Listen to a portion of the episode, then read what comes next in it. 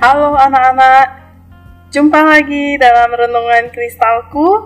Tentunya udah siap untuk mendengarkan firman Tuhan bukan? Mari kita bersama-sama tundukkan kepala kita berdoa.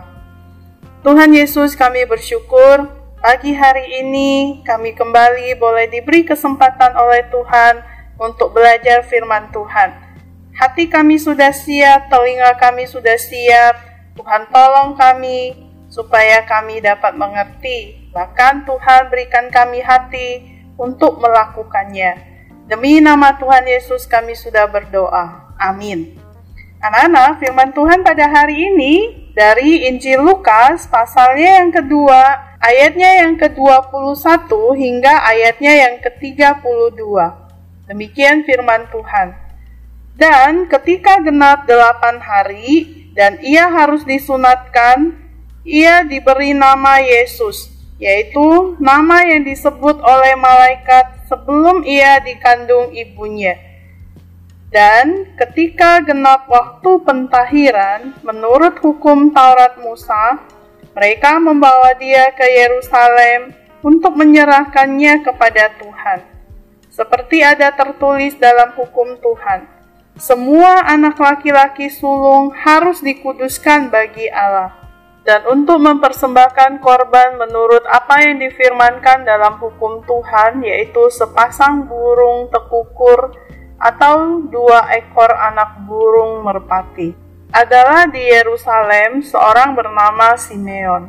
Ia seorang yang benar dan saleh yang menantikan penghiburan bagi Israel Roh Kudus ada di atasnya, dan kepadanya telah dinyatakan oleh Roh Kudus bahwa ia tidak akan mati sebelum ia melihat Mesias, yaitu Dia yang diurapi Tuhan. Ia datang ke bait Allah oleh Roh Kudus.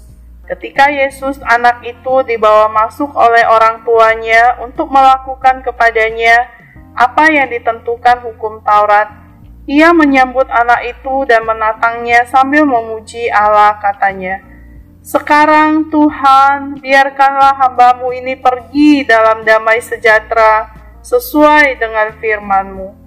Sebab mataku telah melihat keselamatan yang daripadamu, yang telah engkau sediakan di hadapan segala bangsa, yaitu terang yang menjadi penyataan bagi bangsa-bangsa lain, dan menjadi kemuliaan bagi umatmu Israel. Anak-anakku, seminggu setelah Yesus lahir diceritakan Yusuf dan Maria membawa Yesus ke bait Allah di Yerusalem.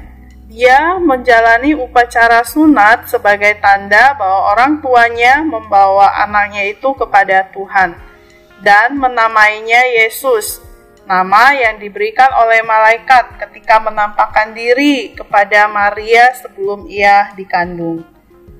Yusuf dan Maria melakukan ini untuk menaati hukum Allah yang diberikan oleh Musa, yang mengatakan bahwa setiap anak sulung itu, maksudnya anak yang pertama lahir di dalam keluarga, harus didedikasikan atau dipersembahkan kepada Tuhan mereka juga mempersembahkan korban seperti yang difirmankan dalam hukum Tuhan.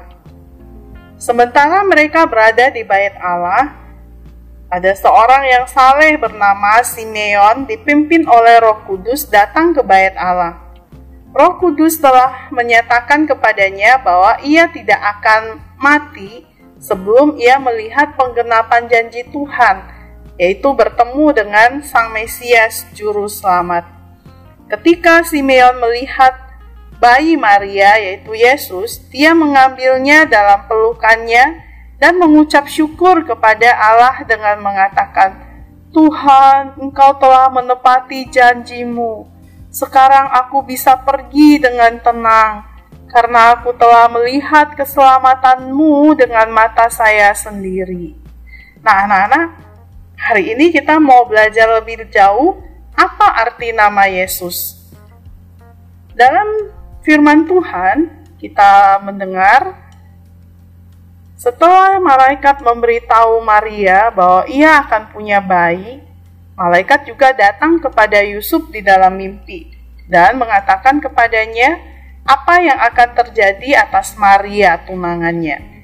Di dalam Matius 1 ayat 21, firman Tuhan berkata demikian, Ia akan melahirkan anak laki-laki dan kamu harus menamainya Yesus, karena dia akan menyelamatkan umatnya dari dosa mereka.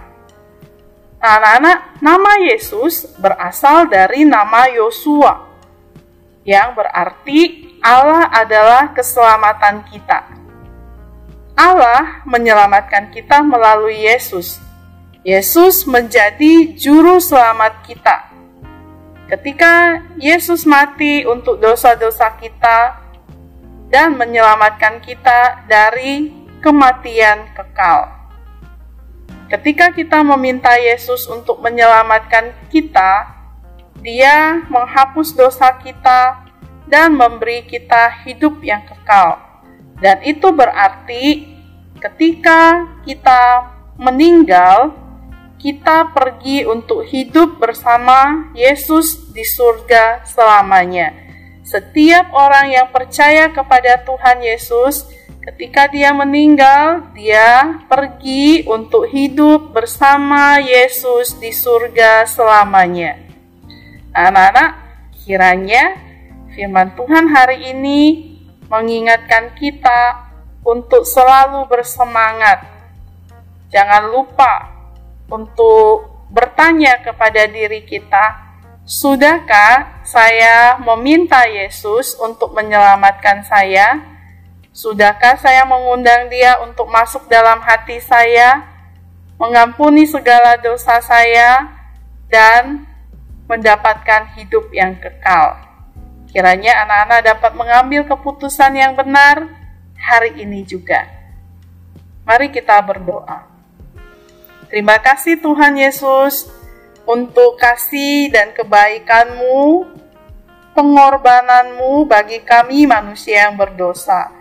Karena engkau rela datang ke dalam dunia, mati di atas kayu salib, bangkit, maka setiap kami yang percaya kepada engkau beroleh hidup yang kekal. Ketika kami meninggalkan dunia ini, kami akan pergi hidup bersama Engkau di surga selama-lamanya.